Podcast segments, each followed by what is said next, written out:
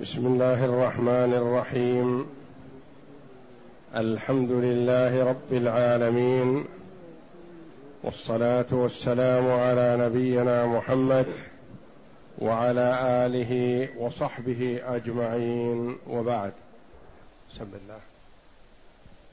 أعوذ بالله من الشيطان الرجيم. فستبصر ويبصرون بأيكم المفتون.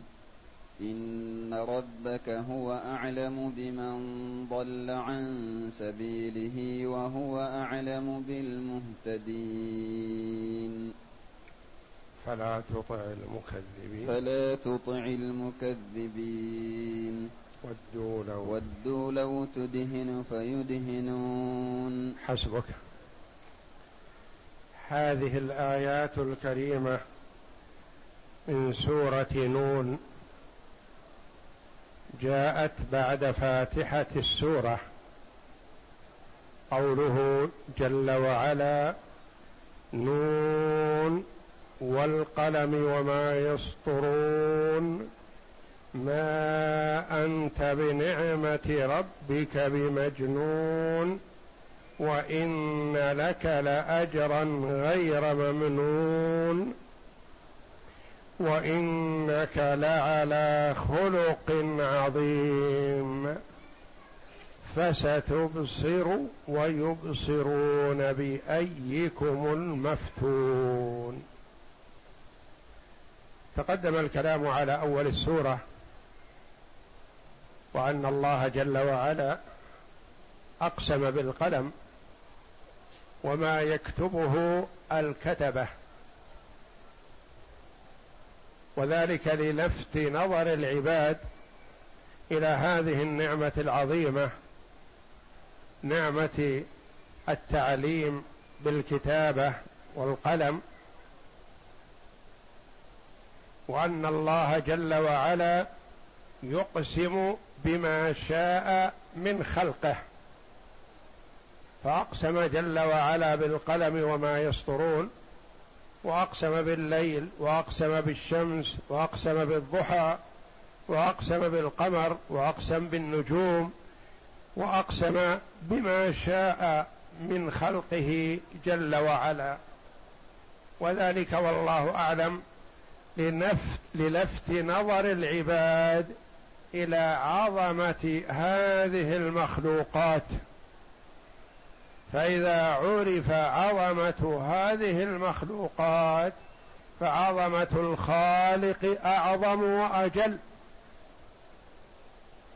وأما المخلوق فلا يجوز له أن يقسم إلا بالله أو بصفة من صفاته. باسم من أسماء الله أو بصفة من صفاته. وذلك لأن المخلوق إذا أقسم بشيء فقد أعطاه منتهى التعظيم. ولا يجوز لمخلوق أن يعطي منتهى التعظيم إلا لمن يستحقه وهو الله تبارك وتعالى. ومن حلف بغير الله فقد كفر أو أشرك. فالحلف بغير الله شرك أصغر وقد يتطور إلى الشرك الأكبر. إذا كان المرء حينما يحلف بمخلوق يعطيه منتهى التعظيم ويشعر أن القسم به أعظم من القسم بالله فذلك كفر عظيم مخرج من الملة والعياذ بالله. أقسم الله جل وعلا بما أقسم به بأن محمدا صلى الله عليه وسلم بما أنعم الله جل وعلا عليه به من النعم ليس بمجنون. وأن أجره مستمر في الدنيا والآخرة. لا ينقطع ابدا. وأنه على خلق عظيم. فأعلى الخلق وأحسن الخلق خلق محمد صلى الله عليه وسلم ثم يليه في هذا صحابته الكرام رضي الله عنهم وأرضاهم. وأفضلهم على الإطلاق أبو بكر الصديق رضي الله عنه فهو أفضل الصحابة ويليه في الفضل عمر الفاروق الذي فرق الله جل وعلا به بين الحق والباطل. ثم الصحابة رضي الله عنهم وأرضاهم خيرة هذه الأمة ويجب على كل مسلم أن يترضى عنهم وأن يحبهم في الله فمحبتهم من محبة الله جل وعلا ومن موالاة رسوله صلى الله عليه وسلم أن تحب صحابته رضي الله عنهم أجمعين. فهم خير الأمة بعد نبيها وهم الذين بلغوا شرع الله لمن جاء بعدهم. فمن طعن فيهم فقد طعن في الشرع. من طعن فيهم فقد طعن في الله تبارك وتعالى. ومن طعن في الله فقد طعن برسول الله صلى الله عليه وسلم. فالله جل وعلا اختارهم لصحبة نبيه ولتبليغ شرعه. فهم أفضل أمة محمد صلى الله عليه وسلم ورضي الله عنهم. ومن طعن فيهم فقد كذب رسول الله صلى الله عليه وسلم لأنه عليه الصلاة والسلام شهد لمن شهد منهم بالجنة. ولا يمكن أن يطعن في من شهد له الرسول صلى الله عليه وسلم بالجنة.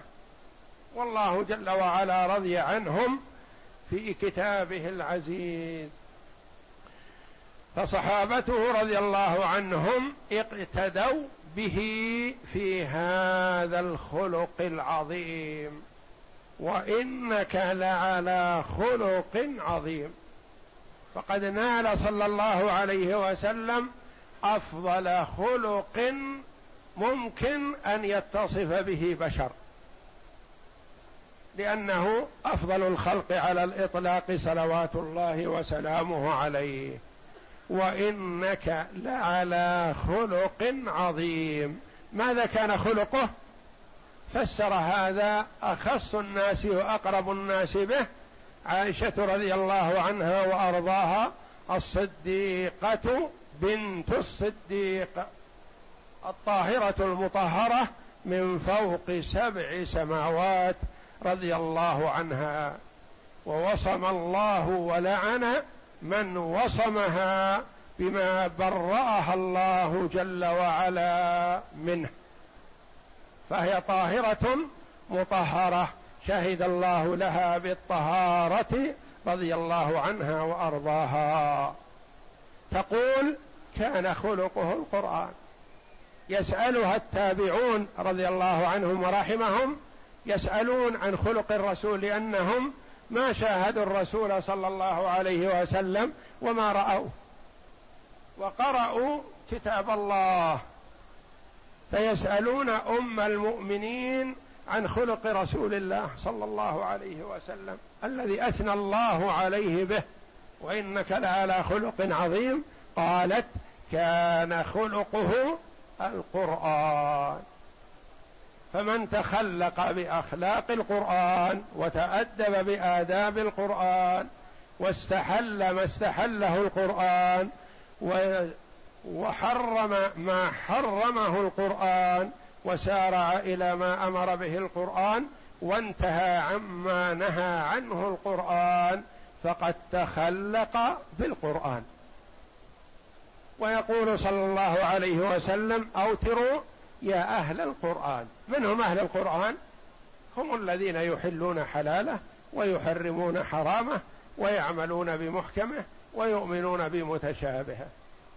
حتى وإن لم يقرأوا إلا اليسير من القرآن. ما يلزم أن يكونوا حفظة وإنما يلزم أن يعملوا بالقرآن. إذا عمل المرء بالقرآن فهو من أهل القرآن. أوتروا يا أهل القرآن وأهل القرآن هم أمة محمد صلى الله عليه وسلم المقتدون به المستنون بسنته. وإنك لعلى خلق عظيم. والكفرة يقولون يا أيها الذي نزل عليه الذكر إنك لمجنون. كيف ينزل عليه الذكر؟ ينزل عليه القرآن ويكون أهلا لإنزال القرآن ثم يقال إنك لمجنون. تناقضوا مع أنفسهم. وقال الله جل وعلا فستبصر ويبصرون. السين هنا للتسويف والإمهال والانتظار. فستبصر قريب. متى هذا الإبصار؟ تبصر ويتميز عندك وعند غيرك من هو المجنون ومن هو الذي على خلق عظيم. من هو المهتدي ومن هو الضال. ستبصر ويبصرون. تظهر الحقائق. متى؟ قولان للعلماء رحمهم الله ولا منافاة بينهما. منهم من قال فستبصر ويبصرون. قريب يعني وعد كريم من الله جل وعلا. بأنك سيظهرك الله على الكفار. ولكن انتظر. في الدنيا سيظهرك الله. فوعد كريم من الله لرسوله بالنصر. ستبصر ويبصرون. ستظهر الحقيقة. متى؟ قريب. متى ظهرت؟ في السنة الثانية من الهجرة. يوم بدر. يوم تقابل الجيشان غير المتكافئين في العدد والعدة. وغير متكافئين أو متقاربين في النصر والتأييد من الله. في العدد والعدة جيش الكفار كثير. ومعهم العدد ومعهم العدة والأسلحة ومعهم الأطعمة ومعهم المراكب ومعهم كما قال أبو جهل القينات تغنيهم والشيطان متوسط معهم حامل رايتهم والجيش الآخر العدد قليل والعدة يسيرة يعتقب الثلاثة والأربعة بعير واحد يمشي أكثر مما يركب يمشي وقد لا يجد ما يأكله إلا اليسير. الجيشان غير متكافئين في العدد والعدة كذلك غير متقاربين في التأييد والنصر راية رسول الله صلى الله عليه وسلم معه الصحابة منصورة مؤيدة من قبل الله جل وعلا. وراية الكفار بيد الشيطان اللعين. يسوقهم إلى المعركة ثم يخذلهم. إني أرى ما لا ترون. إني أخاف الله. والله شديد العقاب. فيهرب ينكص على عقبيه. لأنه رأى الملائكة. هذا أحد قولي العلماء رحمهم الله. فستبصر ويبصرون. يظهر الحق يظهر المنصور المؤيد من الضال المخذول. متى؟ قريب. متى سيكون؟ كان يوم بدر. وقيل فستبصر ويبصرون يوم القيامة. أنت ومن معك إلى الجنة ومن عاداك وحاربك إلى النار. ولا منافاة بين الأمرين لأن المنصور يوم بدر هو المنصور المؤيد يوم القيامة. والمخذول يوم بدر هو المخذول في النار يوم القيامة. فستبصر ويبصرون ستنظر وينظر قومك. سيتظهر الحقيقة. بأيكم المفتون. أيكم المغرور. أنت أو هم. أيكم الذي معه المفتون. إبليس اللعين. في حزبك أو في حزبهم. بأيكم المفتون في النار لأن الإحراق في النار يقال له فتنة. كما قال الله جل وعلا يوم هم على النار يفتنون يحرقون. ستبصر ويبصرون بأيكم أي الفريقين. بأيكم المفتون. المفتون الملعون إبليس. بأيكم المفتون بأيكم المجنون. الجنون في قومك وفيك أو فيهم. بأيكم المحرق في النار فريقك أو فريقهم. أقوال للعلماء ولا منافاة بينها والحمد لله. بأيكم المفتون. ثم بين جل وعلا علمه بذلك وأنه لا يخفى عليه خافية وأن علمه محيط بكل شيء بالحاضر والماضي والمستقبل. وأنه يعلم أنك منصور مؤيد. ويعلم أن أعداءك مخذولون مقهورون مغلوبون. لا يتحرى المؤمن يتحرى النصر من الله جل وعلا. وقد تكون الهزيمة أحيانا للمؤمنين من باب الاختبار والامتحان ومن باب التأديب ولفت النظر عند المخالفة كما حصل شيء من الهزيمة للمسلمين في يوم أحد بسبب معصيتهم لأمر النبي صلى الله عليه وسلم. فالمؤمن يتحرى تحري ويثق بالله بأنه ناصر أولياءه لكن علم الله جل وعلا مؤكد وحقيقي. ليس على سبيل التحري والتوقع. إن ربك هو أعلم بمن ضل عن سبيله وهو أعلم بالمهتدين. فهو يعلم جل وعلا. وقد يمهل للظالم وهو يعلم أن مآله إلى الخذلان. وقد يؤدب المؤمن بشيء من الأدب وهو يعلم جل وعلا أن مآله إلى النصر والتأييد. أنه ناصره ومؤيده.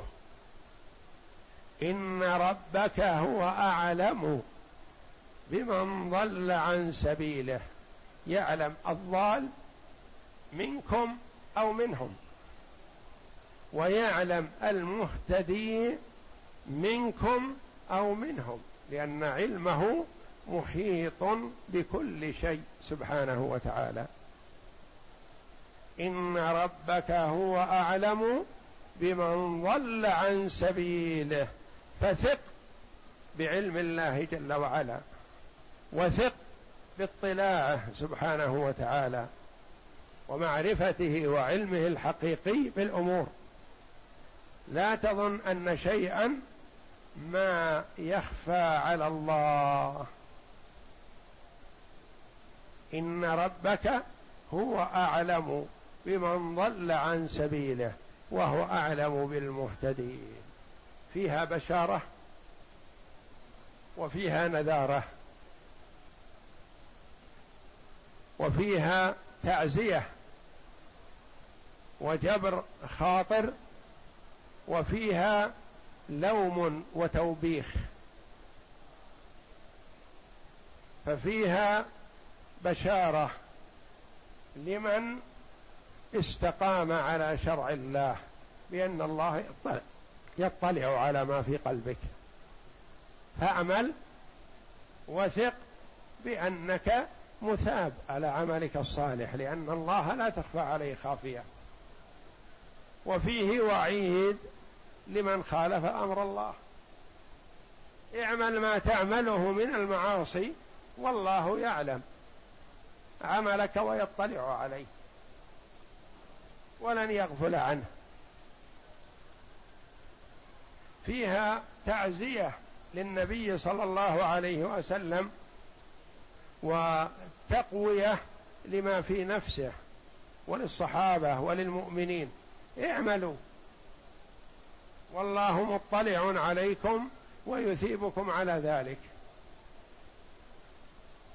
وفيه تخويف وزجر لمن خالف أمر الله. إن ربك هو أعلم بمن ضل عن سبيله وهو أعلم بالمهتدين. فاعمل بطاعة الله على نور من الله رجاء ثواب الله موقنا بأن الله مطلع عليك. ثم قال جل وعلا فلا تطع المكذبين. الكفار الذين كذبوك لا تلتفت إليهم. ولا تطعهم. والذي عليك هو البلاغ وقد بلغت. إن آمنوا وصدقوا فلأنفسهم وإن كفروا وكذبوا فعليهم. وأنت لا تميل إليهم. فلا تطع المكذبين. هذا نهي من الله تبارك وتعالى لرسوله صلى الله عليه وسلم أن يميل إلى الكفار أو يفكر في طاعتهم في شيء ما. وفيه نهي لكل عبد مؤمن بالله تبارك وتعالى الا يميل إلى الكفار. ولا يستجيب لمطلبهم. لأنهم لا يريدون له الخير ولا يدعونه إليه ولا يرغبونه فيه وإنما يدعونه إلى الشر والهلاك وإلى ما يقربه إلى النار. فلا تطع المكذبين. ثم أخبر الله جل وعلا عما في قلوب الكفار. فقال ودوا لو تدهن فيدهنون. الإدهان الليونة والاستجابة مثل السير الذي يسير وهو مدهون فيه مادة دهنية يكون سيره خفيف وسريع. وإذا كان ليس فيه هذه المادة يكون ثقيل وبطيء. فهم يودون أن تسير معهم على ما يريدون. شيئا ما يستجرونك إليهم ثم يستجيبون لك في بعض الأشياء. يودون أن تستجيب لهم فيستجيبوا لك في بعض الأمور. فإذا استجبت لهم واستجابوا لك خرجت عن الصراط المستقيم. ودوا لو تدهن لو تقرب منهم شيئا ما. كما قالوا يعرض عن سب آلهتنا ونعطيه ما يريد. إن كان يريد الملك ملكناه علينا. وإن كان يريد المال جمعنا له من المال حتى يكون أغنانا وأكثرنا مال. وإن كان يريد زوجة خيرناه في بناتنا. نعطيه ما شاء منهن ولا يتعرض لآلهتنا. وقالوا له اعبد آلهة آبائك وقتا ونعبد الله معك وقتا. خلنا نتقاسم ونتآلف. أتألف على ماذا؟ على الكفر والضلال. تعبد آلهتنا ونعبد إلهك. فيكونون كفار كلهم لا مسلمون. ودوا لو تدهن فيدهنون. تمنوا. يعني هم حريصين على هذا كل الحرص فاحذرهم. واحذر أن تستجب لهم. واحذر أن تميل إليهم. فإنهم يتمنون هذا الشيء وهو الميلان ولو قليلا منك. استجابة لهم. وهم بدورهم سيستجيبون لك لا عن قناعة وإنما مسايرة. وهم يريدون منك أن تسايرهم فيسايرونك. لا تنازعهم فلا ينازعونك.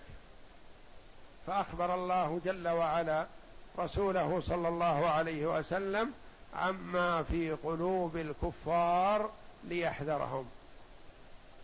وهذا التشريع الإلهي من الله جل وعلا لرسوله صلى الله عليه وسلم وللأمة قاطبة. من بعثة محمد صلى الله عليه وسلم إلى أن يرث الله الأرض ومن عليها. فلا يجوز للمسلمين أن يركنوا إلى الكفار. ولا تركنوا إلى الذين ظلموا فتمسكم النار. فهم يودون من المسلمين أن يميلوا إليهم شيئا ما ليعطوهم مثل ذلك.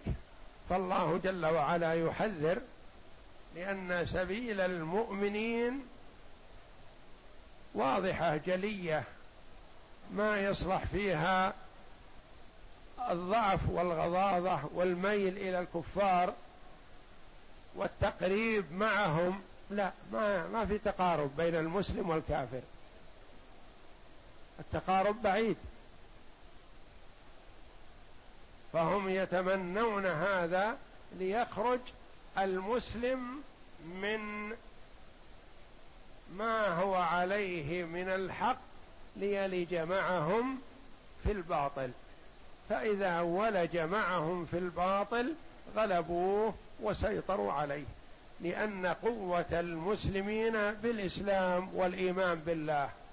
فإذا تخلوا عن هذا ضعفوا أمام الأعداء. ودوا لو تدهن فيدهنون. تحذير من الله جل وعلا لرسوله ولعباده المؤمنين من أن يعملوا تقارب بينهم وبين من حارب الله ورسوله والمؤمنين والله أعلم. وصلى الله وسلم وبارك على عبده ورسول نبينا محمد وعلى آله وصحبه أجمعين.